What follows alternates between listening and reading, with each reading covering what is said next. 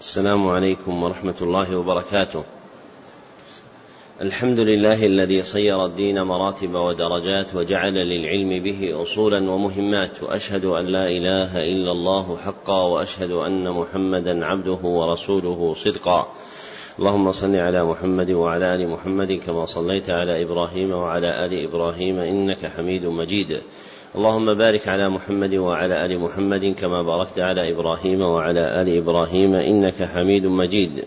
أما بعد فحدثني جماعة من الشيوخ وهو أول حديث سمعته منهم بإسناد كل إلى سفيان بن عيينة عن عمرو بن دينار عن أبي قابوس مولى عبد الله بن عمرو.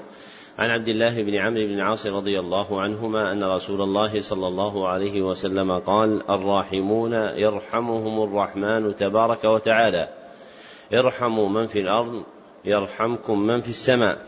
ومن آكد الرحمة رحمة المعلمين بالمتعلمين في تلقينهم أحكام الدين وترقيتهم في منازل اليقين. ومن طرائق رحمتهم إيقافهم على مهمات العلم بإقراء أصول المتون وتبيين مقاصدها الكلية ومعانيها الإجمالية ليستفتح بذلك المبتدئون تلقيهم ويجد فيه المتوسطون ما يذكرهم ويطلع منه المنتهون إلى تحقيق مسائل العلم. وهذا شرح الكتاب الرابع من برنامج مهمات العلم في سنته الأولى وهو كتاب التوحيد لإمام الدعوة الإصلاحية في جزيرة العرب الشيخ محمد بن عبد الوهاب رحمه الله تعالى. وقد انتهى بنا البيان إلى باب من الشرك الاستعاذة بغير الله. نعم. صلى الله عليكم بسم الله الرحمن الرحيم. الحمد لله رب العالمين وصلى الله وسلم وبارك على نبينا محمد وعلى آله وصحبه أجمعين. اللهم اغفر لنا ولوالدينا ولشيخنا وللمؤمنين. قال المؤلف رحمه الله تعالى باب من الشرك الاستعاذة بغير الله. مقصود الترجمة بيان أن الاستعاذة بغير الله من الشرك وهي من الشرك الأكبر.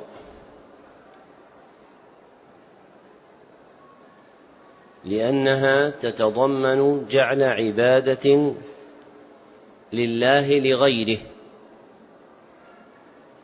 يخرج بها العبد من الملة. وما كان كذلك فهو من جنس الشرك الأكبر. نعم. صلى الله عليكم وقول الله تعالى وأنه كان رجال من الإنس يعوذون برجال من الجن فزادوهم رهقا. وعن خولة بنت حكيم رضي الله عنها قالت سمعت رسول الله صلى الله عليه وسلم يقول من نزل منزلا فقال أعوذ بكلمات الله التامات من شر ما خلق. لم يضره شيء حتى يرحل من منزله ذلك. رواه مسلم. ذكر المصنف رحمه الله تعالى لتحقيق مقصود الترجمة دليلين اثنين. فالدليل الأول قوله تعالى وأنه كان رجال من الإنس يعودون برجال من الجن. الآية ودلالته على مقصود الترجمة في قوله يعوذون برجال من الجن. بعد قول مؤمن الجن في صدر الآيات يهدي إلى الرشد فآمنا به ولن نشرك بربنا أحدا.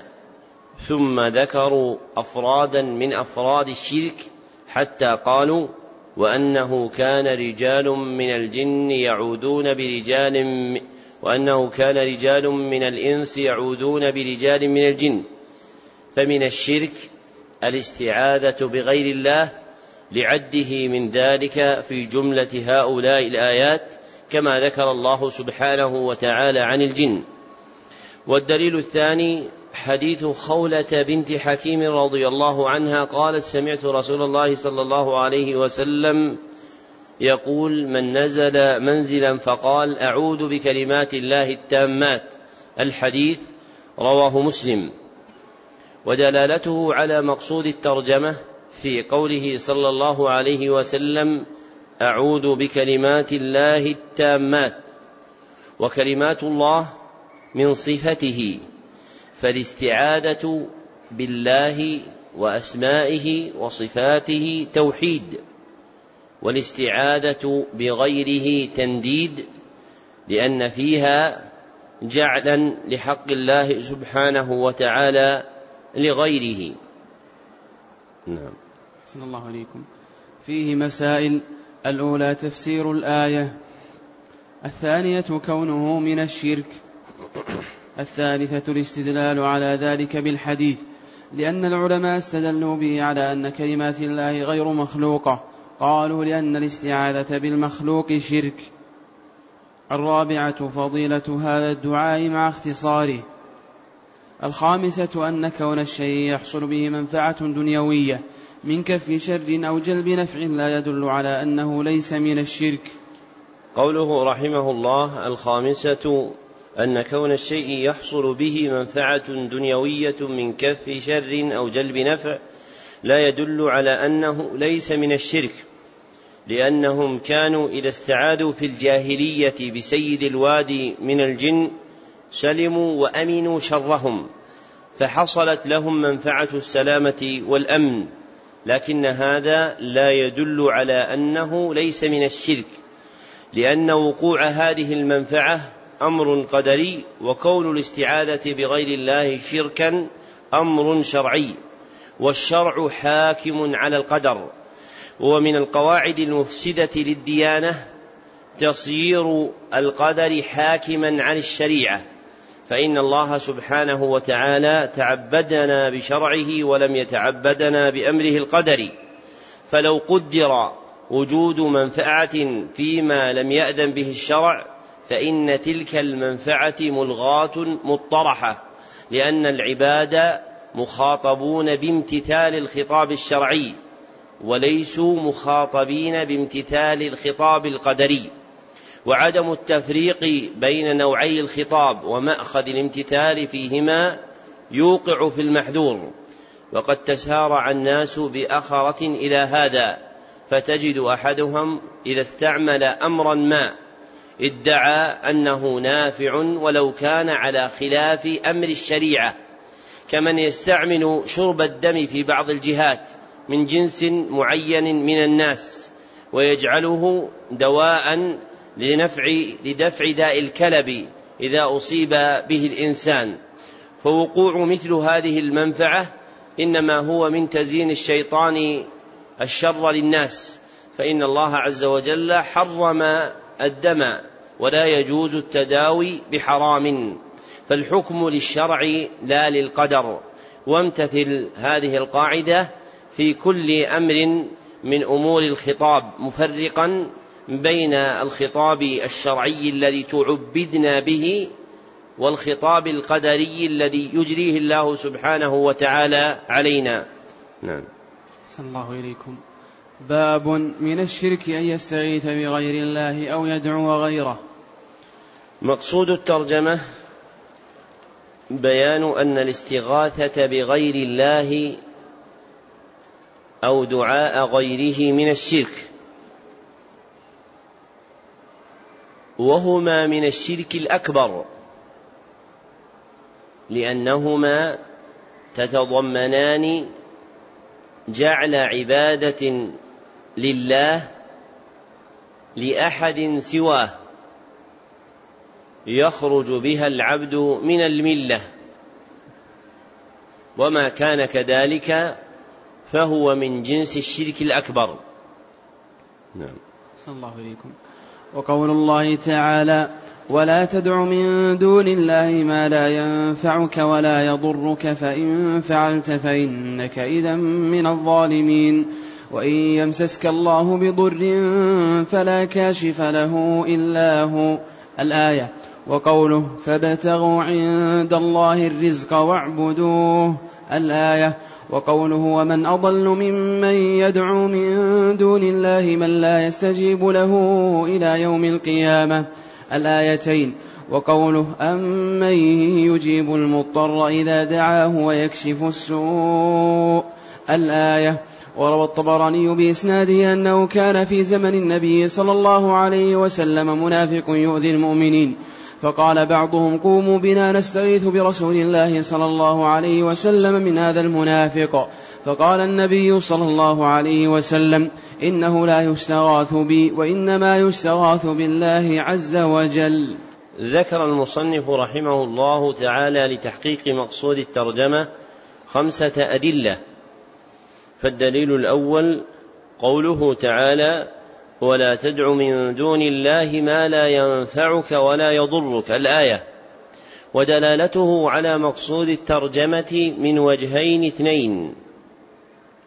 أحدهما في قوله ولا تدع من دون الله فهذا نهي والنهي للتحريم والمنهي عنه إيقاع عبادة.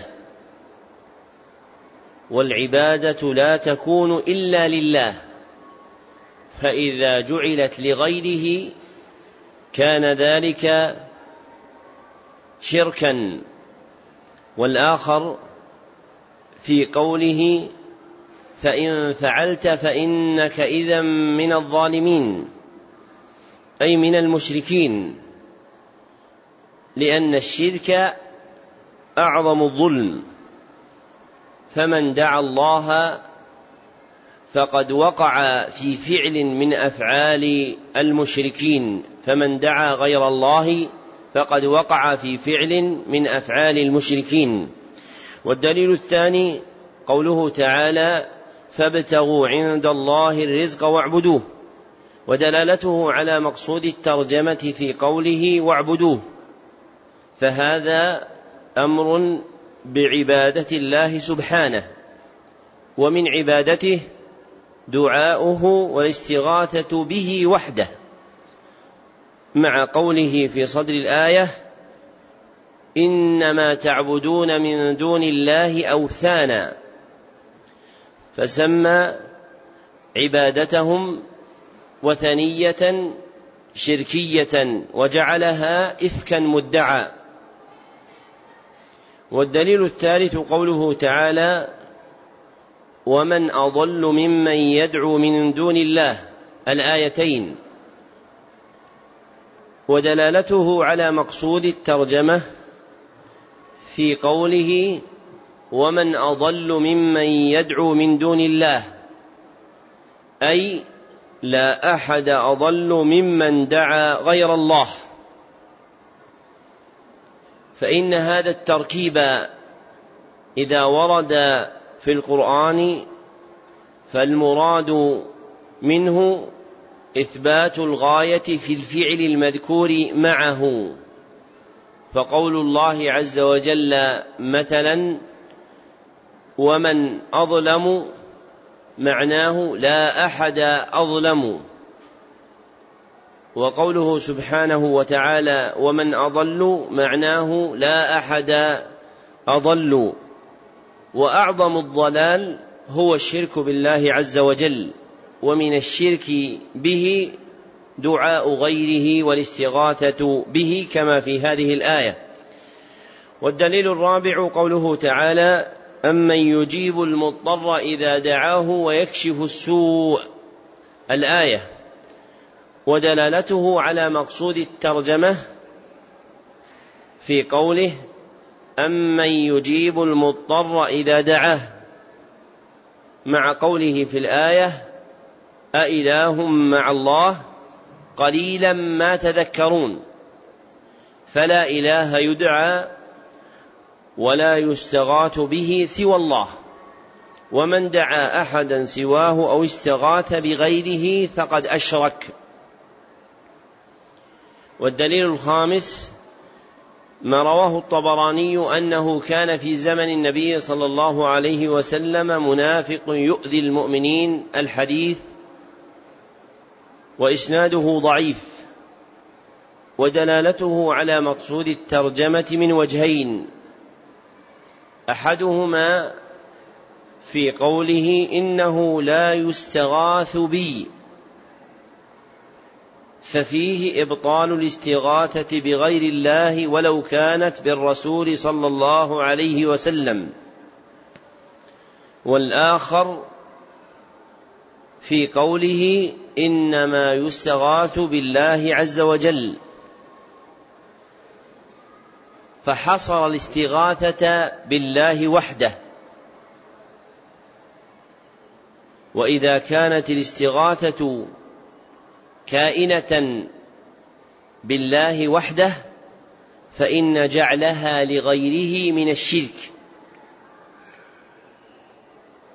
ومنعه صلى الله عليه وسلم أن يستغاث به على مقدور عليه كما في هذا الحديث وقع سدا للذريعة وحماية للشريعة وأدبا مع الله عز وجل.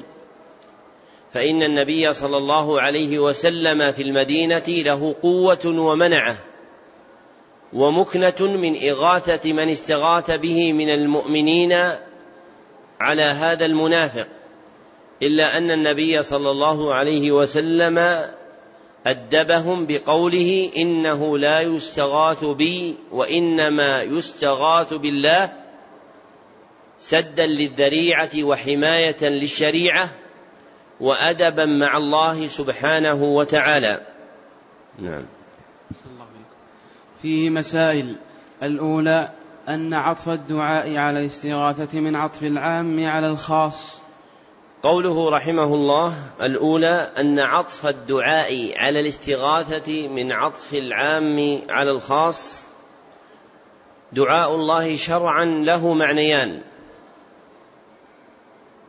أحدهما عام وهو امتثال خطاب الشرع المقترن بالحب والخضوع. والآخر خاص وهو طلب العبد حصول ما ينفعه ودوامه أو دفع ما يضره ورفعه. والاستغاثة بالله شرعا هي طلب الغوث من الله عند ورود الضرر. وبيان العموم والخصوص بينهما باعتبار المعنى الأول للدعاء وهو امتثال خطاب الشرع المقترن بالحب والخضوع فإن الاستغاثة فرد من أفراد الخطاب الممتثل حبا لله وخضوعا له فهي مندرجة في جنس العبادة. وأما باعتبار المعنى الثاني وهو المعنى الخاص للدعاء فإن الدعاء بمعناه الخاص يكون طلبا من الله عز وجل ويندرج في مطلوبات العبد طلبه من ربه الإغاثة عند ورود ضرر به وذلكم فرد من أفراد الدعاء. فإن العبد يسأل ربه انواعا مختلفة من المطلوبات منها دعاؤه ربه عند وضود عند ورود الضرر. وهذه هي الاستغاثة فهي فرد من أفراد سؤال العبد ربه مطلوباته وهو معنى الدعاء. الخاص كما ذكرنا فظهر معنى العطف للعام والخاص بين الدعاء والاستغاثة باعتبار المعنيين جميعا. نعم. الله عليكم. الثانية تفسير قوله ولا تدع من دون الله ما لا ينفعك ولا يضرك الثالثة أن هذا هو الشرك الأكبر. الرابعة أن أصلح الناس لو فعله إرضاء لغيره صار من الظالمين. الخامسة تفسير الآية التي بعدها. السادسة كون ذلك لا ينفع في الدنيا مع كونه كفرا. السابعة تفسير الآية الثالثة. الثامنة أن طلب الرزق لا ينبغي إلا من الله كما أن الجنة لا تطلب إلا منه. التاسعة تفسير الآية الرابعة. العاشرة ذكر أنه لا أضل ممن دعا غير الله. الحادية عشرة أنه غافل عن دعاء الداعي لا يدري عنه. الثانية عشرة أن تلك الدعوة سبب لبغض المدعو للداعي وعداوته له. الثالثة عشرة تسمية تلك الدعوة عبادة للمدعو. الرابعة عشرة كفر المدعو بتلك العبادة. قوله رحمه الله الرابعة عشرة كفر المدعو بتلك العبادة أي لقوله تعالى في تمام الآيات من سورة الأحقاف كانوا لهم أعداء وكانوا بعبادتهم كافرين أي منكرين لها فإن من يدعى من دون الله ينكر عبادة من دعاه يوم القيامة. نعم. أحسن الله عليكم. الخامسة عشرة أن هذه الأمور هي سبب كونه أضل الناس. السادسة عشرة تفسير الآية الخامسة. السابعة عشرة الأمر العجيب هو إقرار عبدة الأوثان أنه لا يجيب المضطر إلا الله ولأجل هذا يدعونه في الشدائد مخلصين له الدين. الثامنة عشرة حماية المصطفى صلى الله عليه وسلم حمى التوحيد والتأدب مع الله. باب قول الله تعالى أيشركون ما لا يخلق شيئا وهم يخلقون ولا يستطيعون لهم نصرا؟ الآية مقصود الترجمة بيان برهان من براهين التوحيد. وهو قدرة الخالق وعجز المخلوق. فلله الأفعال الكاملة والأسماء الحسنى والصفات العلى والمخلوق بضد ذلك. لا يخلق لا يخلق ولا يملك ولا يقدر فكيف يصير معبودا؟ نعم. صلى الله عليكم. وقوله والذين تدعون من دونه ما يملكون من قطمير الآية وفي الصحيح عن أنس رضي الله عنه قال شج النبي صلى الله عليه وسلم يوم أحد وكسرت رباعيته فقال كيف يفلح قوم شجوا نبيهم؟ فنزلت ليس لك من الأمر شيء. وفيه عن ابن عمر رضي الله عنهما أنه سمع رسول الله صلى الله عليه وسلم يقول إذا رفع رأسه من الركوع في الركعة الأخيرة من الفجر اللهم العن فلانا وفلانا. بعدما يقول سمع الله لمن حمده ربنا ولك الحمد فأنزل الله ليس لك من الأمر شيء. وفي رواية يدعو على صفوان بن أمية وسهيل بن عمرو والحارث بن هشام فنزلت ليس لك من الأمر شيء. وفيه عن أبي هريرة رضي الله عنه قال قام رسول الله صلى الله عليه وسلم حين أنزل عليه وأنذر عشيرتك الأقربين. فقال يا معشر قريش أو كلمة نحوها اشتروا أنفسكم لا أغني عنكم من الله شيئا. يا عباس بن عبد المطلب لا أغني عنك من الله شيئا. يا صفية عمة رسول الله صلى الله عليه وسلم لا أغني عنك من الله شيئا. ويا فاطمة بنت محمد سليني من مالي ما شئت لا أغني عنك من الله شيئا. ذكر المصنف رحمه الله تعالى لتحقيق مقصود الترجمة خمسة أدلة. فالدليل الأول قوله تعالى أيشركون ما لا يخلق شيئا. الآية والتي بعدها.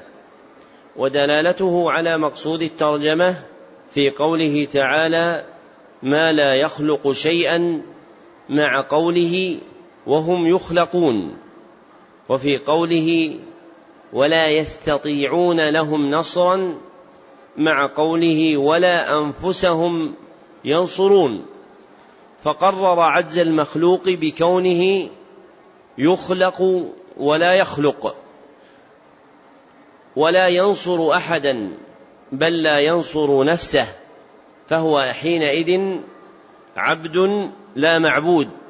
ولذلك قال الله سبحانه وتعالى بعدها بآية إن الذين تدعون من دون الله عباد أمثالكم لإظهار عجزهم وعدم صلاحيتهم لتأليههم. والدليل الثاني قوله تعالى والذين تدعون من دونه. الآية ودلالته على مقصود الترجمة في قوله ما يملكون من قطمير. والقطمير هو اللفافة التي تكون على نواة التمر. فنفى الله عز وجل عنهم ملك شيء حقير وهو القطمير فأن لهم ملك ما فوقه. والله سبحانه وتعالى له الملك كله. وقد قال الله عز وجل قبلها ذلكم الله ربكم له الملك والذين تدعون من دونه ما يملكون من قطمير. فأثبت عز وجل لنفسه الملك الكامل ونفى عن كل ما سواه ملك أي شيء ولو كان شيئا حقيرا كالقطمير. والدليل الثالث حديث أنس رضي الله عنه في قصة شج النبي صلى الله عليه وسلم يوم أحد الحديث متفق عليه. ودلالته على مقصود الترجمة في إنزال الله عز وجل قوله ليس لك من الأمر شيء بعد قوله صلى الله عليه وسلم كيف يفلح قوم شجوا نبيهم؟ استبعادا منه صلى الله عليه وسلم لفلاحهم بعد فعلتهم التي فعلوا.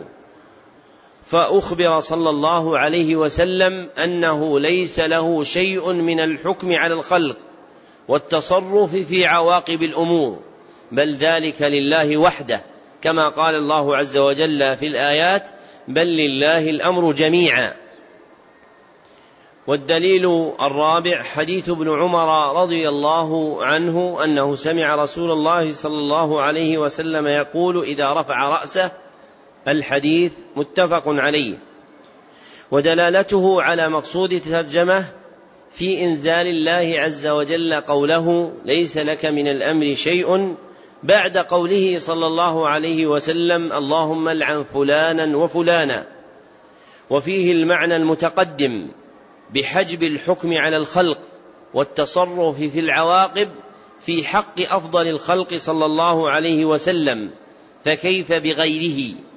فإذا كان النبي صلى الله عليه وسلم لا يملك في الخلق حكما بإمضاء هداية أو إبقاء كفر أو إيقاع عذاب ولعنة وأن الأمر كله لله فمن دون النبي صلى الله عليه وسلم أولى الا يملك شيئا من ذلك. وقد ذكر المصنف رحمه الله تعالى حديثين في سبب نزول قول الله عز وجل ليس لك من الأمر شيء يختلف أحدهما عن الآخر ففي الحديث الأول أن سبب إنزالها ما وقع يوم أحد. وبعد قوله صلى الله عليه وسلم كيف يفلح قوم شجوا نبيهم. وفي الحديث الثاني أنها نزلت على النبي صلى الله عليه وسلم بعد قنوته على المشركين باللعن. والذي يظهر أن الآية نزلت في الأمرين جميعا فإنهما كانا في قصة واحدة وهذا هو ظاهر تصرف أبي عبد الله البخاري رحمه الله تعالى في صحيحه فتكون الآية نازلة في الأمرين جميعا. فأخبر كل واحد من أصحاب النبي صلى الله عليه وسلم بما علم. فأنس أخبر عن علمه بسبب لنزولها وأخبر ابن عمر رضي الله عنه بسبب آخر. والآية نازلة في الأمرين جميعا لأنهما كانا في قصة واحدة. والدليل الخامس حديث أبي هريرة رضي الله عنه قال قال رسول الله صلى الله عليه وسلم حين أنزل عليه وأنذر عشيرتك الأقربين الحديث متفق عليه. ودلالته على مقصود الترجمة في قوله صلى الله عليه وسلم مخاطبا قومه لا أغني عنكم من الله شيئا. وفي قوله مخاطبا عمه العباس لا أغني عنك من الله شيئا. وفي قوله مخاطبا عمته صفية وابنته فاطمة لا أغني عنك من الله شيئا. لأنه لا حكم للنبي صلى الله عليه وسلم بل الحكم لله وحده. كما قال الله سبحانه وتعالى فيما ذكره عن نبيه يعقوب عليه الصلاة والسلام وما أغني عنكم من الله من شيء إن الحكم إلا لله ومن دون الأنبياء فهم أولى بعدم الإغناء. فإذا كان الصادق المصدوق صلى الله عليه وسلم وهو أشرف الخلق وأعظمهم عند الله جاها ومقاما لا يملك لقرابته شيئا كما صرح بقوله لا أغني عنكم من الله شيئا وبقوله لا أغني عنك من الله شيئا وبقوله لا أغني عنك من الله شيئا فإن غير النبي صلى الله عليه وسلم أولى الا ينفع أحدا من الخلق لعجز المخلوق وقدرة الخالق سبحانه وتعالى. وكمال قدرته عز وجل يقتضي أن يكون الحكم كله لله والملك كله لله عز وجل. ومن لطائف الأدلة الشرعية أن الخطاب في هذا الأمر العظيم جاء تارة مساقا إلى المؤنث وتارة مساقا إلى المذكر وتارة مساقا إلى الجمع المستغرق لجميع الأفراد لتقرير إبطال التعلق بأحد من المخلوقين كائنا من كان في التصرف في عواقب الأمور. نعم. صلى الله اليكم فيه مسائل. الأولى تفسير الآيتين. الثانية قصة أحد. الثالثة قنوت سيد المرسلين وخلفه, وخلفه سادات الأولياء يؤمنون في الصلاة. الرابعة أن المدعو عليهم كفار. الخامسة أنهم فعلوا أشياء لا يفعلها غالب الكفار منها شجهم نبيهم وحرصهم على قتله ومنها التمثيل بالقتلى مع أنهم بنو عمهم. السادسة أنزل الله عليه في ذلك ليس لك من, ليس لك من الأمر شيء. السابعة قوله أو يتوب عليهم أو يعذبهم فتاب عليهم وآمنوا. الثامنة القنوت في النوازل. التاسعة تسمية المدعو عليهم في الصلاة بأسمائهم وأسماء آبائهم. العاشرة لعن المعين في القنوت. الحادية عشرة قصته صلى الله عليه وسلم لما أنزل عليه وأنذر عشيرتك الأقربين. الثانية عشرة جده صلى الله عليه وسلم في هذا الأمر بحيث فعل ما نسب بسببه إلى الجنون. وكذلك لو يفعله مسلم الآن. الثالثة عشرة قوله للأبعد والأقرب لا أغني عنك من الله شيئا. حتى قال يا فاطمة بنت محمد لا أغني عنك من الله شيئا. فإذا صرح وهو سيد المرسلين أنه لا يغني شيئا عن سيدة نساء العالمين. وآمن الإنسان بأنه لا يقول إلا الحق. ثم نظر فيما وقع في قلوب خواص الناس اليوم. تبين له ترك التوحيد وغربة الدين. نعم. صلى الله عليكم باب قول الله تعالى حتى إذا فزع عن قلوبهم قالوا ماذا قال ربكم؟ قالوا الحق وهو العلي الكبير. مقصود الترجمة بيان برهان ثان من براهين التوحيد وهو قدرة الخالق وعجز المخلوق. والفرق بين هذه الترجمة وسابقتها في ذكر هذا البرهان أن المضروب مثلا في عجزه من المخلوقات هنا هم الملائكة. وفي الترجمة السابقة المذكور عجزه من المخلوقات هو المعظم عند المسلمين وهو رسول الله صلى الله عليه وسلم والمعظم عند المشركين وهي أوثانهم. فكأن المصنف رحمه الله تعالى أراد المبالغة في تقرير هذا البرهان العظيم وهو قدرة الخالق وعجز المخلوق فبين عجز أهل الأرض من الأنبياء فمن دونهم عن التصرف في عواقب الأمور ثم بين بعد في هذه الترجمة عجز أهل السماء من الملائكة عن التصرف فيها. وهذا من حذقه رحمه الله تعالى. نعم.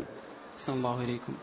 في الصحيح عن أبي هريرة رضي الله عنه عن النبي صلى الله عليه وسلم قال إذا قضى الله الأمر في السماء ضربت الملائكة بأجنحتها خضعانا لقوله كأنه سلسلة على صفوان ينفذهم ذلك حتى إذا فزع عن قلوبهم قالوا ماذا قال ربكم؟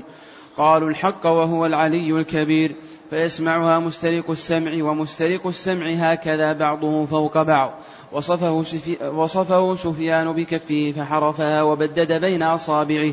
فيسمع الكلمة فيلقيها إلى من تحته ثم يلقيها الآخر إلى من تحته حتى يلقيها على لسان الساحر أو الكاهن فربما أدركه الشهاب قبل أن يلقيها وربما ألقاها قبل أن يدركه فيكذب معها مئة كذبة فيقال أليس قد قال لنا يوم كذا وكذا كذا وكذا فيصدق بتلك الكلمة التي سمعت من السماء. وعن النواس بن سمعان رضي الله عنه قال قال رسول الله صلى الله عليه وسلم إذا أراد الله تعالى أن يوحي بالأمر تكلم بالوحي. أخذت السماوات منه رجفة أو قال رعدة شديدة خوفا من الله عز وجل. فإذا سمع ذلك أهل السماوات صعقوا وخروا لله سجدا. فيكون أول من يرفع رأسه جبرائيل فيكون أول من يرفع رأسه جبرائيل فيكلمه الله من وحيه بما أراد ثم يمر جبرائيل على الملائكة كلما مر بسماء سأله ملائكتها ماذا قال ربنا يا جبرائيل؟ فيقول جبرائيل قال الحق وهو العلي الكبير. فيقولون كلهم مثل ما قال جبرائيل فينتهي جبرائيل بالوحي إلى حيث أمره الله عز وجل. ذكر المصنف رحمه الله تعالى لتحقيق مقصود الترجمة ثلاثة أدلة. فالدليل الأول قوله تعالى حتى إذا فزع عن قلوبهم الآية ودلالته على مقصود الترجمة في قوله حتى إذا فزع عن قلوبهم مع قوله وهو العلي الكبير. فالملائكة يلحقهم فزع إذا قضي الأمر في السماء. ففيه بيان عجزهم. والله سبحانه وتعالى له العلو والكبر ففيه بيان قدرته سبحانه. والدليل الثاني حديث أبي هريرة رضي الله عنه عن النبي صلى الله عليه وسلم قال إذا قضى الله الأمر في السماء الحديث متفق عليه. ودلالته على مقصود الترجمة في قوله حتى إذا فزع عن قلوبهم مع قوله وهو العلي الكبير. فالملائكة يلحقهم الفزع والله له العلو والكبر. وهذا الحديث تفسير للآية المذكورة. والضمير في قوله صلى الله عليه وسلم كأنه سلسلة على صفوان راجع إلى قول الله عز وجل. فهو وصف لما يقع في الأسماع من كلامه والتشبيه هنا من تشبيه السماع بالسماع لا من تشبيه المسموع بالمسموع وهو نظير قوله صلى الله عليه وسلم في الصحيحين إنكم سترون ربكم كما ترون القمر ليلة البدر فإن هذا الحديث متضمن تشبيه المرئي بالمرئي لا تشبيه الرؤية بالرؤية. وكذلك قوله صلى الله عليه وسلم كأنه سلسلة على صفوان تشبيه للسماع بالسماع لا المسموع بالمسموع. والدليل الثالث حديث النواس بن سمعان. قال قال رسول الله صلى الله عليه وسلم إذا أراد الله تعالى أن يوحي بالأمر الحديث رواه ابن أبي عاصم في كتاب السنة والبيهقي في الأسماء والصفات بسند ضعيف ودلالته على مقصود الترجمة في قوله فإذا سمع ذلك أهل السماوات صعقوا وخروا لله سجدا مع قوله وهو العلي الكبير.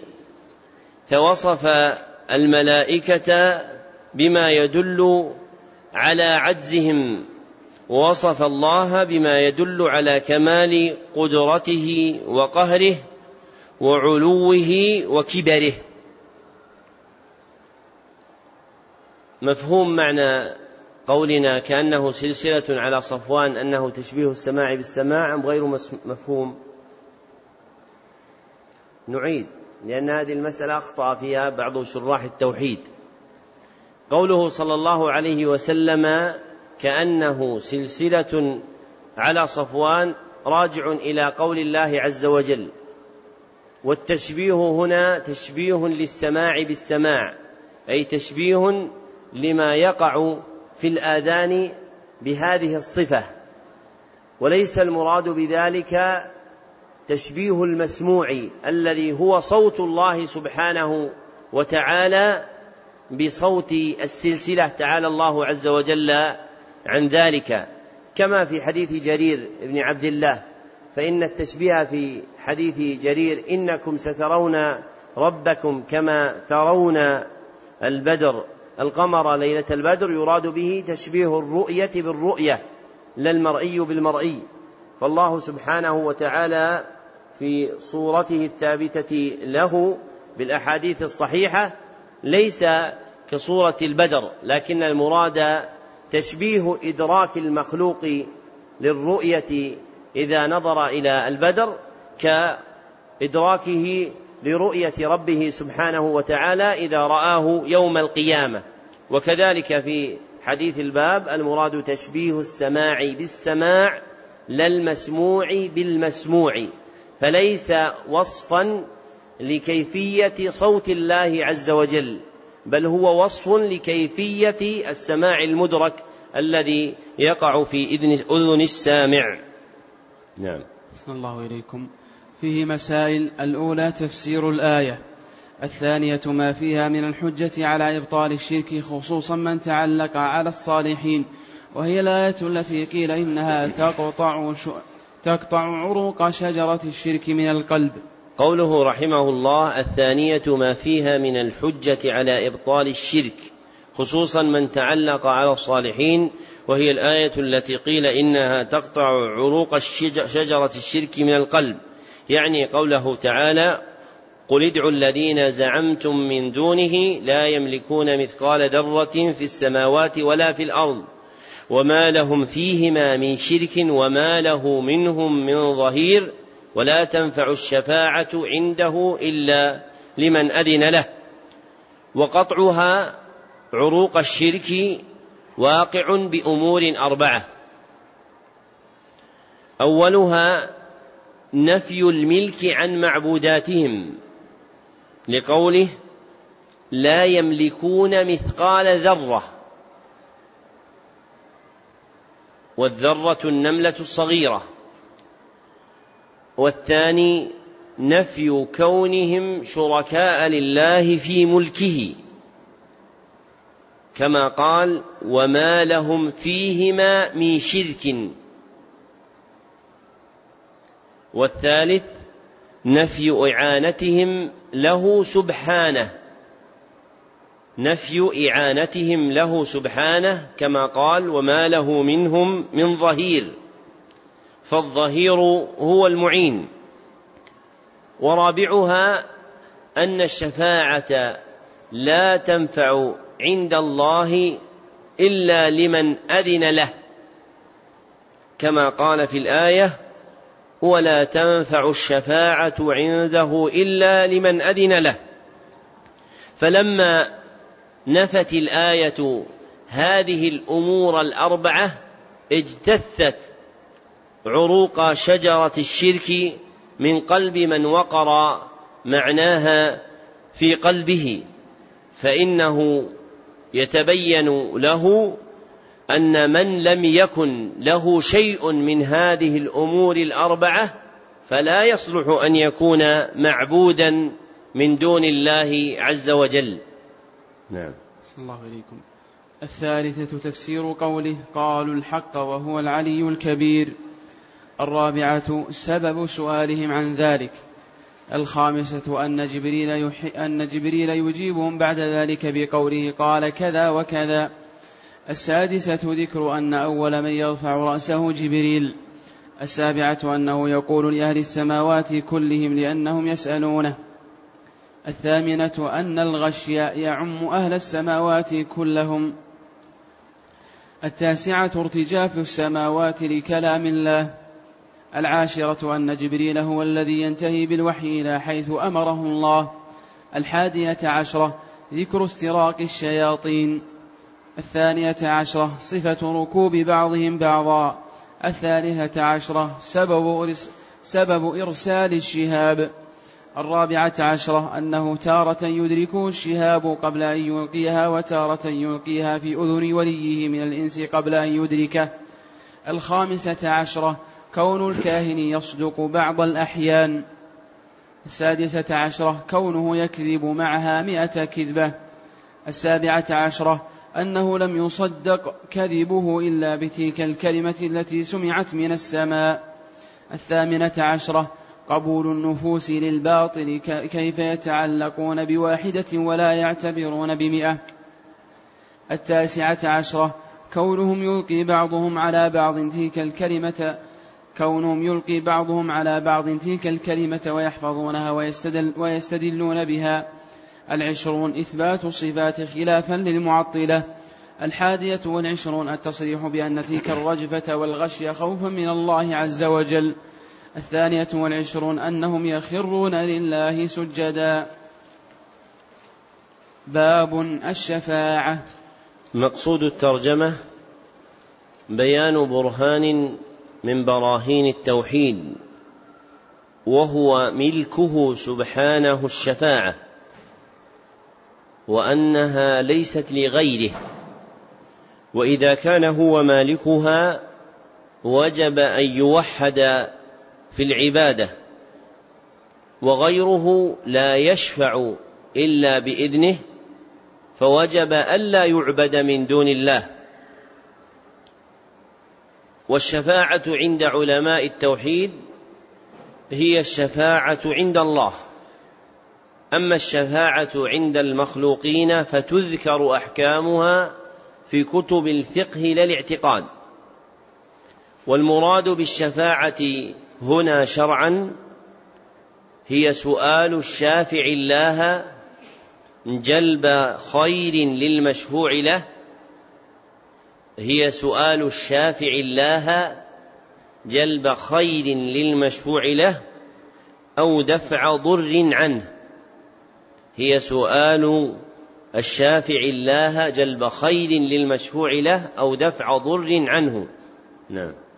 صلى الله عليكم وقول الله عز وجل وأنذر به الذين يخافون أن يحشروا إلى ربهم ليس لهم من دونه ولي ولا شفيع وقوله قل لله الشفاعة جميعا وقوله من ذا الذي يشفع عنده إلا بإذنه وقوله وكم من ملك في السماوات لا تغني شفاعتهم شيئا إلا من بعد أن يأذن الله لمن يشاء ويرضى وقوله قل ادعوا الذين زعمتم من دون الله لا يملكون مثقال ذرة في السماوات ولا في الأرض وما لهم فيهما من شرك وما له منهم من ظهير ولا تنفع الشفاعة عنده إلا لمن أذن له قال أبو العباس رحمه الله نفى الله عما سواه كل ما يتعلق به المشركون فنفى أن يكون لغيره ملك أو قسط منه أو يكون عونا لله ولم يبق إلا الشفاعة فبين أنها لا تنفع إلا لمن أذن له الرب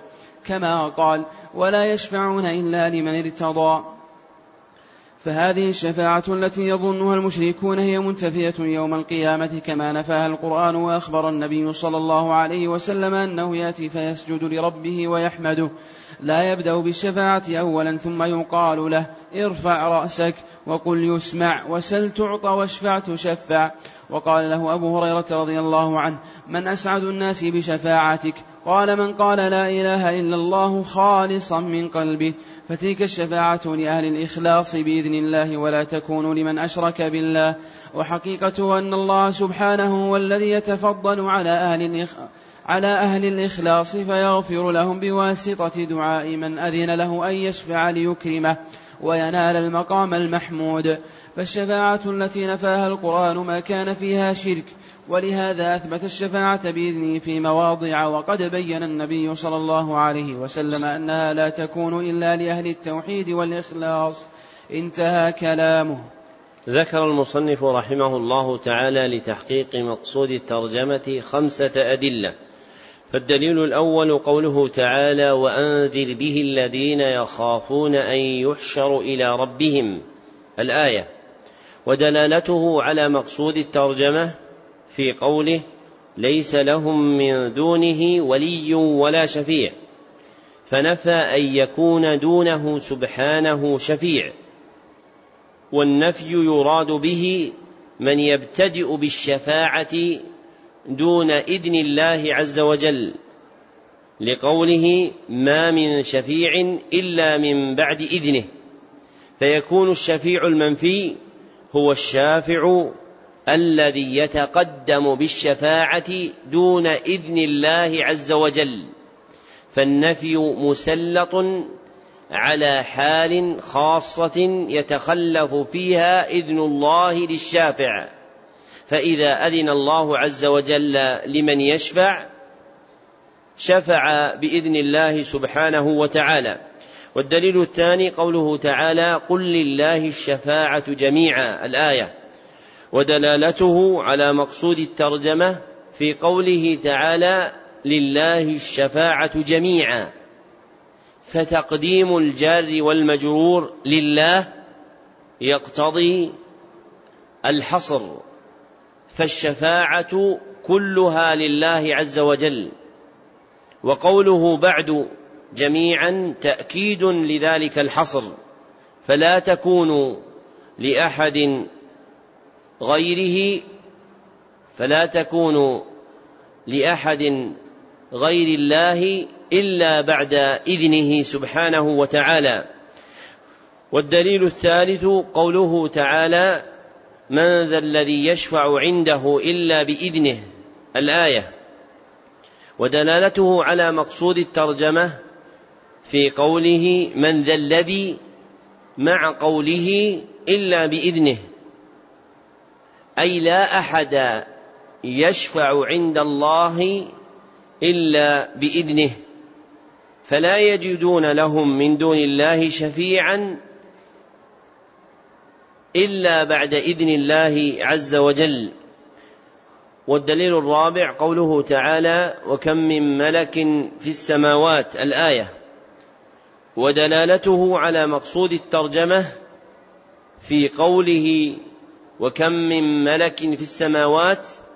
مع قوله لا تغني شفاعتهم شيئا إلا من بعد أن يأذن الله لمن يشاء ويرضى. فالملائكة المقربون لا يشفعون إلا بعد إذن الله ورضاه مع ما لهم من المرتبة العالية والمقام الأسنى. والدليل الخامس قوله تعالى قل ادعوا, قل ادعوا الذين زعمتم من دون الله الآيتين. ودلالته على مقصود الترجمة في قوله تعالى ولا تنفع الشفاعة عنده إلا لمن أذن له.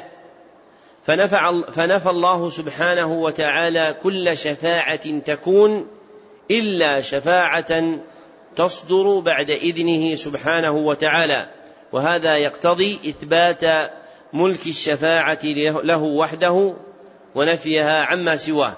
ثم ذكر المصنف رحمه الله تعالى كلام شيخ الإسلام أبي العباس بن تيمية الحفيد المبين لمعنى الدليل الخامس. نعم. صلى الله عليكم. فيه مسائل. الأولى تفسير الآيات. الثانية صفة الشفاعة المنفية. قوله رحمه الله الثانية صفة الشفاعة المنفية أي التي تطلب من غير الله عز وجل. صلى الله عليكم. الثالثة صفة الشفاعة المثبتة. الرابعة. قوله رحمه الله الثالثة صفة الشفاعة المثبتة أي التي تكون بعد إذن الله ورضاه فهي تطلب منه وحده ولا تتحقق للعبد إلا بعد إذن الله عز وجل ورضاه. نعم. صلى الله عليكم الرابعة ذكر الشفاعة الكبرى وهي المقام المحمود. الخامسة صفة ما يفعله صلى الله عليه وسلم أنه لا يبدأ بالشفاعة بل يسجد فإذا أذن له شفع. السادسة من أسعد الناس بها. السابعة أنها لا تكون لمن أشرك بالله. الثامنة بيان حقيقتها. باب قول الله تعالى إنك لا تهدي من أحببت. مقصود الترجمة بيان برهان من براهين التوحيد وهو خلوص ملك الهداية لله عز وجل. فلا يشاركه فيها أحد فإن أعظم الخلق عند الله قدرا وأوسعهم جاها وهو محمد صلى الله عليه وسلم لا يملك هداية من أحب في الدنيا وكذلك لا يملك لهم في الآخرة نفعا بل لا يشفع لأحد إلا بعد إذن الله. فالله وحده مالك الشفاعة وهذا وجه إتباع باب الشفاعة بهذا الباب. بالإعلام أن غير الله عز وجل مهما بلغ قدره وعظمت منزلته فإنه لا يملك لأحد شيئا في أمره لا في هداية الدنيا ولا في شفاعة الآخرة. والهداية المنفية عن النبي صلى الله عليه وسلم هي هداية التوفيق والإلهام. وأثبت له نوع آخر من الهداية هو هداية البيان والإرشاد كما في قوله تعالى وإنك لتهدي إلى صراط مستقيم وظهر بهذا الجمع بين الآيتين فالهداية المثبتة للنبي صلى الله عليه وسلم هي هداية البيان والإرشاد. والهداية المنفية عنه صلى الله عليه وسلم هي هداية التوفيق والإلهام. نعم. صلى الله اليكم في الصحيح عن ابن المسيب عن ابي قال لما حضرت ابا طالب الوفاة جاءه رسول الله صلى الله عليه وسلم وعنده عبد الله بن أمية وعنده عبد الله بن أبي أمية وأبو جهل فقال له يا عم قل لا إله إلا الله كلمة أحاج لك بها عند الله. فقال له أتراب عن ملة عبد المطلب؟ فأعاد عليه النبي صلى الله عليه وسلم فأعاد فكان آخر ما قال هو على ملة هو على ملة عبد المطلب. وأبى أن يقول لا إله إلا الله. فقال النبي صلى الله عليه وسلم لا أستغفرن لك ما لم أنه عنك. فأنزل الله عز وجل ما كان للنبي والذين آمنوا أن يستغفروا للمشركين.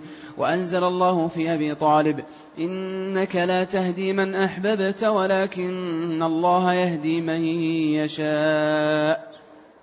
ذكر المصنف رحمه الله تعالى لتحقيق مقصود الترجمة دليلين اثنين فالدليل الأول قوله تعالى إنك لا تهدي من أحببت الآية.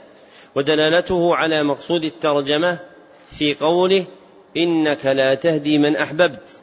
فنفى ملكه صلى الله عليه وسلم هداية من أحب في الدنيا وذلك دال على نفي ملكه صلى الله عليه وسلم الشفاعة في الآخرة. لأن الدنيا دار لأملاك الخلق أما الآخرة فإن الملك الكامل يختص بالله عز وجل كما قال الملك يومئذ الحق للرحمن. وانتفاء هذا الأمر عن غيره أولى لأنه صلى الله عليه وسلم أعظم الخلق قدرا. والدليل الثاني حديث المسيب بن حزن رضي الله عنه قال لما حضرت أبا طالب الوفاة الحديث متفق عليه. ودلالته على مقصود الترجمة في كون القصة المذكورة سببا لنزول الآية المترجم بها فهو كالتفسير لها فإن معرفة سبب النزول يعين على فهم التفسير كما ذكر أبو العباس بن تيمية في قاعدته المشهورة المعروفة بالمقدمة. وأن المراد بالمنفي هنا هدايته صلى الله عليه وسلم عمه أبا طالب ابن عبد المطلب الذي رباه صغيرا وحماه كبيرا ومع جلالة مرتبته عند رسول الله صلى الله عليه وسلم ووفور حرمته لم يملك هدايته ونفعه في الدنيا وهو كذلك لا يملك له شيئا في الآخرة إلا بعد إذن الله عز وجل. فإن الله سبحانه وتعالى نهى النبي صلى الله عليه وسلم عن الاستغفار لعمه ولغيره من المشركين فأنزل على نبيه ما كان للنبي والذين آمنوا أن يستغفروا للمشركين ولو كانوا أولي قربى. من بعد ما تبين لهم أنهم أصحاب الجحيم. فترك النبي صلى الله عليه وسلم الاستغفار له. وكان صلى الله عليه وسلم يقول كما في الصحيحين لعله تنفعه شفاعتي يوم القيامة فيجعل في ضحضاح من النار يبلغ كعبيه يغلي منه دماغه. والضحضاح هو الموضع القريب القعر من الماء إذا غمر الأرض. فكان صلى الله عليه وسلم يرجو أن ينفع عمه بالشفاعة في الآخرة. فأذن الله عز وجل لرسوله صلى الله عليه وسلم فشفعه في عمه قبلها. فأخرج أبا طالب من غمرات النار إلى ضحضاحها. كما في الصحيحين عنه صلى الله عليه وسلم أنه قال واللفظ لمسلم وجدته في غمرات النار فأخرجته إلى ضحضاح. ووقع ذلك تطيبا لخاطر رسول الله صلى الله عليه وسلم فإنه لما منع الاستغفار لعمه أبي طالب رجا أن يشفعه الله سبحانه وتعالى فيه يوم القيامة بأن يخفف عذابه فعجل الله عز وجل له شفاعته لعمه وأخرجه من غمرات النار إلى ضحضاحها والمخرج هو الله وحده بشفاعة النبي صلى الله عليه وسلم. وهذا معنى قوله صلى الله عليه وسلم في الحديث فأخرجته من غمرات النار أي بشفاعتي عند الله سبحانه وتعالى. نعم. صلى الله عليكم. فيه مسائل. الأولى تفسير قوله إنك لا تهدي من أحببت ولكن الله يهدي من يشاء. الآية. الثانية تفسير قوله ما كان للنبي والذين آمنوا أن يستغفروا للمشركين ولو كانوا أولي قربى من بعد ما تبين لهم أنهم أصحاب الجحيم. الآية. الثالثة وهي المسألة الكبيرة تفسير قوله قل لا إله إلا الله. بخلاف ما عليه من يدعي العلم. الرابعة أن أبا جهل ومن معه يعرفون مراد النبي صلى الله عليه وسلم إذا قال للرجل قل لا إله إلا الله فقبح الله من أبو جهل أعلم منه بأصل الإسلام. قوله رحمه الله الرابعة أن أبا جهل ومن معه يعرفون مراد النبي صلى الله عليه وسلم إذا قال للرجل قل لا إله إلا الله فقبح الله من أبو جهل أعلم منه بأصل الإسلام. أي فمراد النبي صلى الله عليه وسلم من الأمر بقولها هو إبطال عبادة غير الله. فمن قال لا إله إلا الله ولم يبطل عبادة غير الله فإنه لم يفهم أصل الإسلام خلافا لأبي جهل وأضرابه الذين عرفوا أنه ليس المراد قولها باللسان بل المراد أنه ليس المراد قولها باللسان بل المراد هو اعتقاد معناها والعمل بمقتضاها من إبطال الآلهة. فاستنكفوا واستكبروا وكانوا قوما بورا. نعم. الله إليكم. الخامسة جده صلى الله عليه وسلم ومبالغته في إسلام عمه. السادسة الرد على من زعم إسلام عبد المطلب وأسلافه السابعة كونه صلى الله عليه وسلم استغفر له فلم يغفر له بل نهي عن ذلك. الثامنة مضرة أصحاب السوء على الإنسان. التاسعة مضرة تعظيم الأسلاف والأكابر. قوله رحمه الله التاسعة مضرة تعظيم الأسلاف والأكابر. أي إذا جعل قولهم حجة يرجع إليها عند التنازع دون الرجوع إلى حكم الشريعة. فليس مراد المصنف الإطلاق بل مقصوده محل خاص وهو إذا كان ما عليه الأسلاف مخالفا لحكم الشريعة. فإن خلا من ذلك فإن الأصل في هذا الدين الاقتداء بالأسلاف والأكابر. وقد روى الطبراني في الأوسط وغيره عن ابن عباس رضي الله عنهما مرفوعا أن النبي صلى الله عليه وسلم قال البركة مع أكابركم. وحسن إسناده جماعة. والصواب أنه موقوف بإسناد صحيح. ومثل هذا مما لا يقال من قبل الرأي. لأن الحكم بأن شيئا ما يتضمن بركة هو إخبار عن غيب والإخبار عن الغيب لا يقال من قبل الرأي.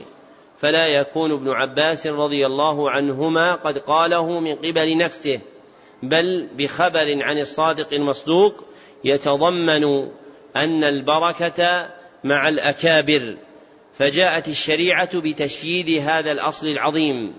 وأن الواجب على الخلق بناء هذا الدين على الاقتداء والاتباع بأسلافهم وأكابرهم فالخير كل الخير في اتباع السلف الماضين والشر كل الشر في ابتداع الخلف المتأخرين. نعم. أحسن الله إليكم. العاشرة الشبهة للمبطلين في ذلك لاستدلال أبي جهل بذلك. قوله رحمه الله العاشرة الشبهة للمبطلين في ذلك لاستدلال أبي جهل بذلك أي الشبهة للمبطلين في تعظيم الأسلاف لقول أبي جهل أترغب عن ملة عبد المطلب فإنه ذكره بما يوقع في قلبه متابعة سلفه معظما له. نعم. صلى الله عليكم. الحادية عشرة الشاهد لكون الأعمال بالخواتيم لأنه لو قالها لنفعته الثانية عشرة التأمل في كبر هذه الشبهة في قلوب الضالين لأن في القصة أنهم لم يجادلوه إلا, لم يجادلوه إلا بها مع مبالغته صلى الله عليه وسلم وتكريره فلأجل عظمتها ووضوحها عندهم اقتصروا عليها. باب ما جاء أن سبب كفر بني آدم وتركهم دينهم هو الغلو في الصالحين. مقصود الترجمة بيان سبب وقوع الناس في الشرك مع ظهور براهين التوحيد وهو الغلو في الصالحين لأن الصالح له قدر عند الله وعند الناس. ومن الناس من يبالغ في حقه ويعظم قدره حتى يخرجه عما أمرت به الشريعة فيقع العبد في الشرك بعبادتهم من دون الله. والغلو هو مجاوزة الحد المأذون فيه هو مجاوزة الحد المأذون فيه. فكل ما جاوز العبد به الحد الذي أذنت به الشريعة فهو غلو. نعم. الله إليكم. وقول الله عز وجل يا أهل الكتاب لا تغلوا في دينكم. في الصحيح عن ابن عباس رضي الله عنهما في قوله تعالى وقالوا لا تذرن آلهتكم ولا تذرن ودا ولا سواعا ولا يغوث ويعوق ونسرا. قال هذه أسماء رجال صالحين من قوم نوح فلما هلكوا أوحى الشيطان إلى قومهم أن ينصبوا إلى مجالسهم التي كانوا يجلسون فيها. أن انصبوا إلى مجالسهم التي كانوا يجلسون فيها أنصابا وسموها بأسمائهم ففعلوا ولم تعبد حتى إذا هلك أولئك ونسي العلم عبدت. وقال ابن القيم قال غير واحد من السلف لما ماتوا عكفوا على قبورهم ثم صوروا تماثيلهم ثم طال عليهم الأمد فعبدوهم. وعن عمر رضي الله عنه أن رسول الله صلى الله عليه وسلم قال لا تطروني كما أطرت النصارى ابن مريم إنما أنا عبد فقولوا عبد الله ورسوله. أخرجاه قال قال رسول الله صلى الله عليه وسلم إياكم والغلو فإنما أهلك من كان قبلكم الغلو. ولمسلم عن ابن مسعود رضي الله عنه أن رسول الله صلى الله عليه وسلم قال هلك المتنطعون قالها ثلاثا ذكر المصنف رحمه الله تعالى لتحقيق مقصود الترجمة خمسة أدلة. فالدليل الأول قوله تعالى يا أهل الكتاب الآية. ودلالته على مقصود الترجمة في قوله لا تغلوا في دينكم فذكر أن من أفعالهم الغلو في الدين. وسياق الآيات دال على أن غلوهم فيه هو في قولهم في عيسى وأمه لما ألهوهما وقالوا إن الله ثالث ثلاثة ومثله قولهم في عزير إنه ابن الله والأول دين النصارى والثاني دين اليهود فلما غلوا في الصالحين كفروا وتركوا دين التوحيد الذي جاءت به الأنبياء والدليل الثاني حديث ابن عباس رضي الله عنهما في تفسير قوله تعالى وقالوا لا تذرن آلهتكم. الحديث أخرجه البخاري. ودلالته على مقصود الترجمة في قوله وقالوا لا تذرن آلهتكم.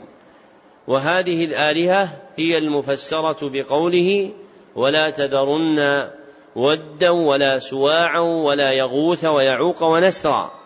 وكانوا كما فسره ابن عباس رضي الله عنهما رجالا صالحين فغلوا فيهم حتى عبدوهم من دون الله فكفروا وتركوا دينهم وورثت العرب عنهم ذلك فكانت فيهم عبادة هؤلاء الصالحين.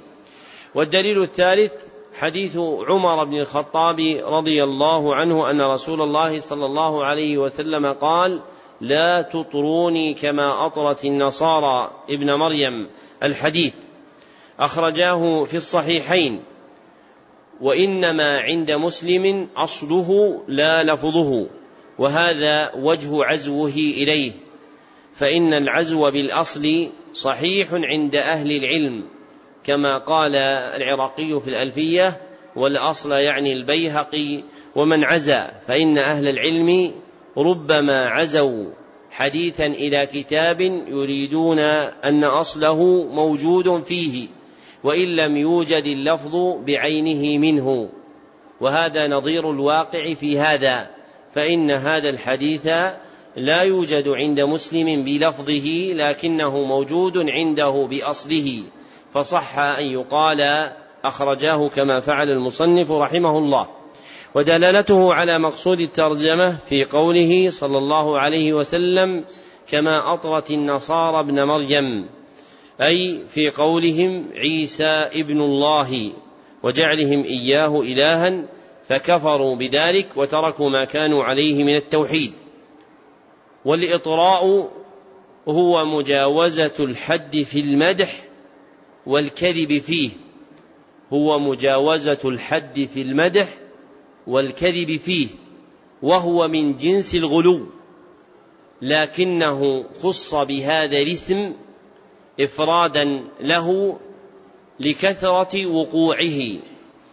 والدليل الرابع حديث ابن عباس رضي الله عنهما قال قال رسول الله صلى الله عليه وسلم إياكم والغلو. الحديث أخرجه النسائي وابن ماجه بإسناد صحيح.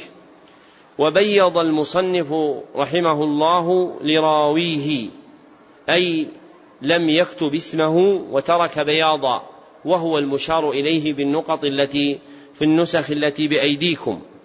ودلالته على مقصود الترجمة في قوله صلى الله عليه وسلم فإنما أهلك الذين من قبلكم الغلو والذين من قبلنا هم اليهود والنصارى. وغلوهم كان في الأنبياء والصالحين كما تقدم وهلاكهم كان في كفرهم وتركهم دين التوحيد. والدليل الخامس حديث ابن مسعود رضي الله عنه أن رسول الله صلى الله عليه وسلم قال هلك المتنطعون. الحديث رواه مسلم ودلالته على مقصود الترجمة في إخباره صلى الله عليه وسلم عن هلاك المتنطعين. والتنطع هو التعمق والغلو وأصله التقعر في الكلام ثم استعمل في كل غلو. ومن المتنطعين الذين هلكوا أولئك الذين غلوا في الصالحين كقوم نوح واليهود والنصارى وهلاكهم في كفرهم وخروجهم من الدين. نعم. صلى الله إليكم فيه مسائل. الأولى أن من فهم هذا الباب وبابين بعده تبين له غربة الإسلام ورأى من قدرة الله وتقليبه للقلوب العجب. الثانية معرفة أول شرك حدث في الأرض أنه بشبهة الصالحين. الثالثة معرفة قوله رحمه الله الثانية معرفة أول شرك حدث في الأرض أنه بشبهة الصالحين أي شرك قوم نوح وشبهة الصالحين ما ادعوه فيهم وصنعوه لهم حتى عبدوهم من دون الله عز وجل. نعم. أحسن الله إليكم. الثالثة معرفة أول شيء غير به دين الأنبياء وما سبب ذلك مع مع معرفة أن الله أرسلهم. قوله رحمه الله ثالثة معرفة أول شيء غير به دين الأنبياء وما سبب ذلك مع معرفة أن الله أرسلهم أي عبادة الصالحين بسبب الغلو فيهم. صلى الله إليكم. الرابعة قبول البدع مع كون الشرائع والفطر تردها. الخامسة أن سبب ذلك كله مزج الحق بالباطل. فالأول محبة الصالحين والثاني فعل أناس من أهل العلم والدين شيئا أرادوا به خيرا فظن من بعدهم أنهم أرادوا به غيره. السادسة تفسير الآية التي في سورة نوح. السابعة جبلة الآدمي في كون الحق ينقص في قلبه والباطل والباطل والباطل يزيد. والباطل يزيد. صلى الله عليكم. جبلة الآدمي في كون الحق ينقص في قلبه والباطل يزيد. الثامنة أن فيه شاهدا لما نقل عن السلف أن البدعة سبب الكفر. التاسعة معرفة الشيطان بما تؤول إليه البدعة ولو حسن قصد الفاعل. العاشرة معرفة القاعدة الكلية وهي النهي, وهي النهي عن الغلو ومعرفة ما يؤول إليه. الحادية عشرة مضرة العكوف على القبر لأجل عمل صالح. الثانية عشرة معرفة النهي عن التماثيل والحكمة في إزالتها. قوله رحمه الله الحادية عشرة مضرة العكوف على القبر لأجل عمل صالح وهو الشوق إلى العبادة.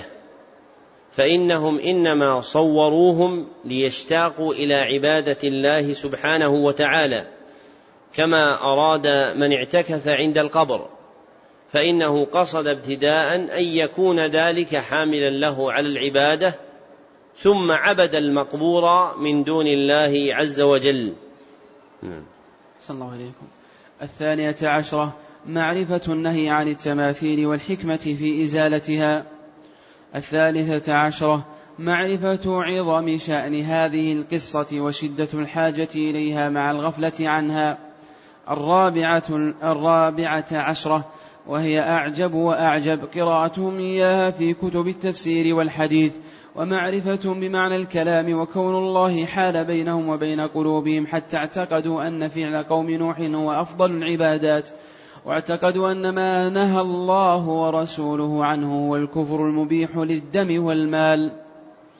قوله رحمه الله الرابعة عشرة وهي أعجب وأعجم قراءتهم إياها في كتب التفسير والحديث ومعرفتهم بمعنى الكلام وكون الله حال بينهم وبين قلوبهم حتى اعتقدوا أن فعل قوم نوح من أفضل العبادات هو أفضل العبادات واعتقدوا أن ما نهى الله ورسوله عنه هو الكفر المبيح للدم والمال أي قراءة من يدعي العلم ممن لم يقبل دعوة التوحيد هذه القصة.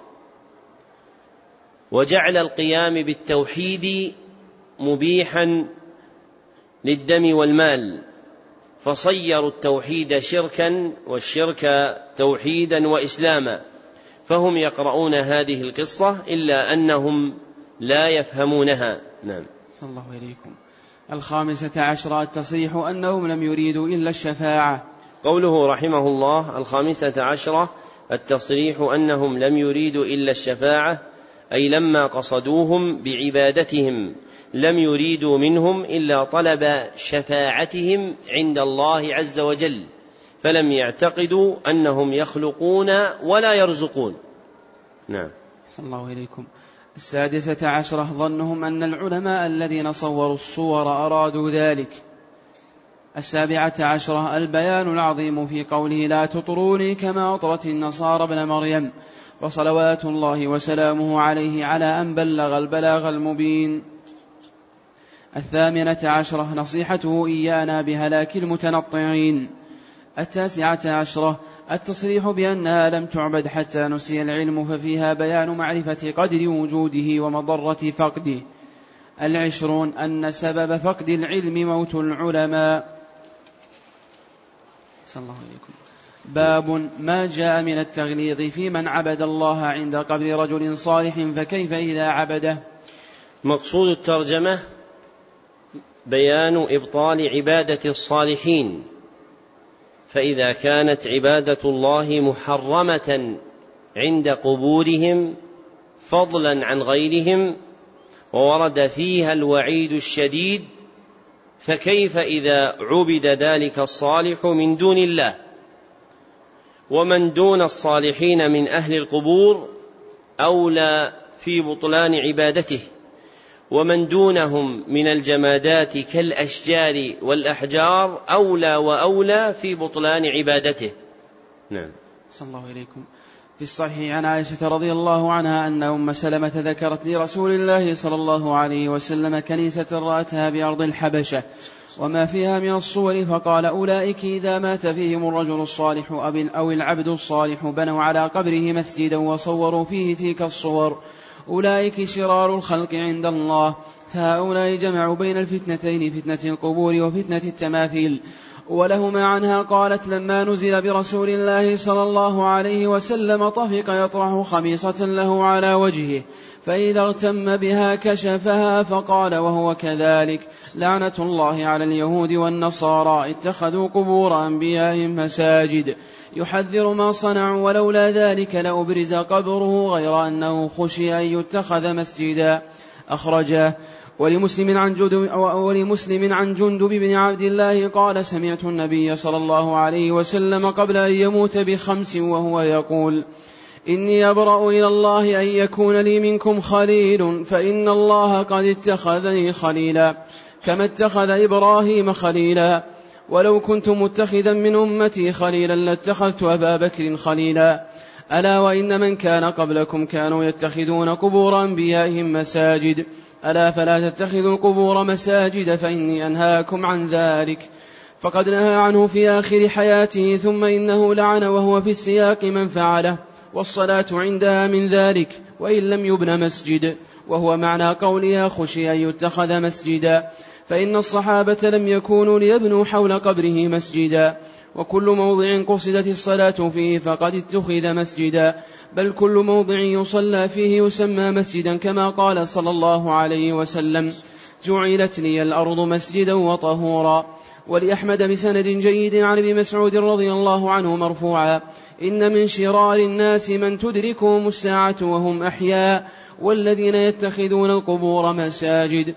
رواه أبو حاتم في صحيحه. ذكر المصنف رحمه الله تعالى لتحقيق مقصود الترجمة أربعة أدلة. فالدليل الأول حديث عائشة رضي الله عنها أن أم سلمة ذكرت لرسول الله صلى الله عليه وسلم كنيسة رأتها بأرض الحبشة. الحديث متفق عليه. ودلالته على مقصود الترجمة في قوله بنوا على قبره مسجدا وصوروا فيه تلك الصور مع قوله أولئك شرار الخلق عند الله.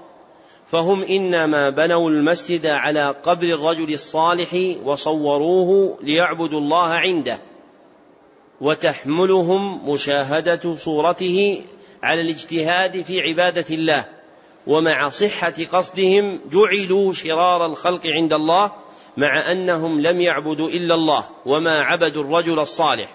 والدليل الثاني حديث عائشة رضي الله عنها أيضا قالت لما نزل برسول الله صلى الله عليه وسلم طفق يطرح خميسة له على وجهه.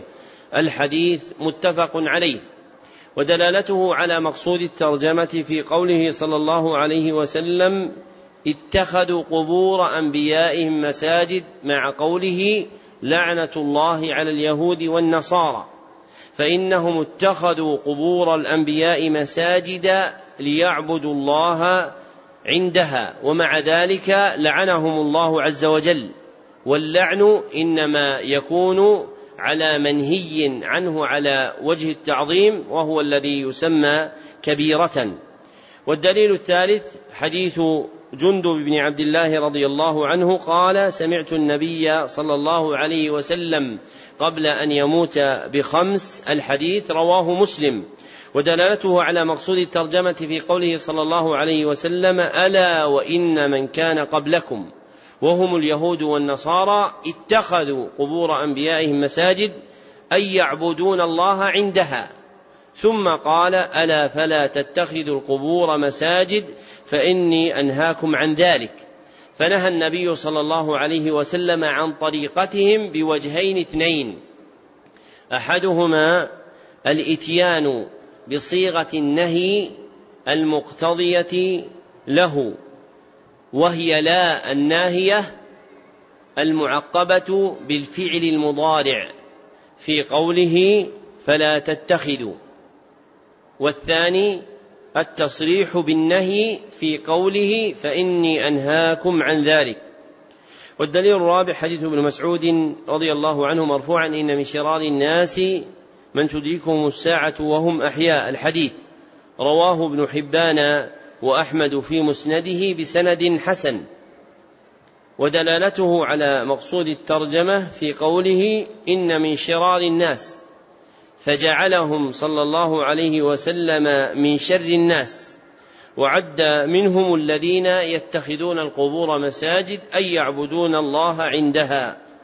وقد حوت هذه الأدلة الأربعة لعن من عبد الله عند قبر رجل صالح وعد من شرار الخلق وعظم النهي عن ذلك. وإذا كان هذا في حق من عبد الله عند قبر رجل صالح فما يكون في حق من عبد ذلك الرجل الصالح من دون الله. نعم. أحسن الله إليكم. فيه مسائل. الأولى ما ذكر الرسول في من بنى مسجدا يعبد؟ ما ذكر الرسول في من بنى مسجدا يعبد الله فيه على قبر رجل صالح ولو صحت نية الفاعل. الثانية النهي عن التماثيل وتغلظ الأمر. الثالثة العبرة العبرة في مبالغته صلى الله عليه وسلم في ذلك. كيف بين لهم هذا أولا؟ ثم قبل موته بخمس قال ما قال؟ ثم لما كان في النزع لم يكتف بما تقدم. الرابعة نهيه عن فعله عند قبره قبل أن يوجد القبر. الخامسة أنه من سنن اليهود والنصارى في قبور أنبيائهم. السادسة لعنه إياهم على ذلك. السابعة أن مراده صلى الله عليه وسلم تحذيرنا عن قبره. الثامنة قوله رحمه الله السابعة أن مراده صلى الله عليه وسلم تحذيرنا عن قبره. أي ألا نفعل به ما فعلت اليهود والنصارى بقبور أنبيائهم. فالتحذير مخصوص بهذا المعنى فإن النبي صلى الله عليه وسلم إنما حذرنا فيما يتعلق بقبره الشريف صلوات الله وسلامه عليه أن نتخذه مسجدا. نعم. صلى الله عليكم. الثامنة العلة في عدم إبراز قبره. التاسعة معنى اتخاذها مسجدا. العاشرة أنه قرن بين من اتخذها وبين من تقوم عليهم الساعة فذكر الذريعة إلى الشرك فذكر الذريعة إلى الشرك قبل وقوعه مع خاتمته. الحادية عشرة ذكره في خطبته قبل موته بخمس الرد على الطائفتين اللتين هما أشر أهل البدع بل أخرجهم بعض أهل السلف من الثنتين والسبعين من الثنتين والسبعين فرقة. وهم الرافضة والجهمية وبسبب الرافضة حدث الشرك وعبادة القبور وهم أول من بنى عليها المساجد. قوله رحمه الله الحادية عشرة ذكره في خطبته قبل موته بخمس الرد على الطائفتين اللتين هما من أشر أهل البدع بل أخرجهم بعض السلف من الثنتين وسبعين فرقة وإخراجهم هو في قول من يكفرهم فإن من كان كافرا لا يكون من جملة الفرق بل يكون من الملل. وقوله رحمه الله وهم الرافضة والجهمية وبسبب الرافضة حدث الشرك وعبادة القبور أما الرد على الرافضة ففي قوله صلى الله عليه وسلم ألا وإن من كان قبلكم اتخذوا قبور أنبيائهم مساجد ألا فلا تتخذوا القبور مساجد. فإني أنهاكم عن ذلك لأن الرافضة اتخذوا قبور المعظمين من آل بيت النبي صلى الله عليه وسلم والصالحين مساجد يعبدون الله عندها. ثم عظم الأمر حتى وقعوا في الشرك الصراح. وأما الرد على الجهمية ففي قوله صلى الله عليه وسلم فإن الله قد اتخذني خليلا كما اتخذ إبراهيم خليلا. فإن الجهمية ينفون صفات الله. ومنها محبته عز وجل لأوليائه من خلقه فإن هذه المحبة من صفات ربنا عز وجل ومنها اتخاذه سبحانه للخليلين إبراهيم ومحمد عليهما الصلاة والسلام.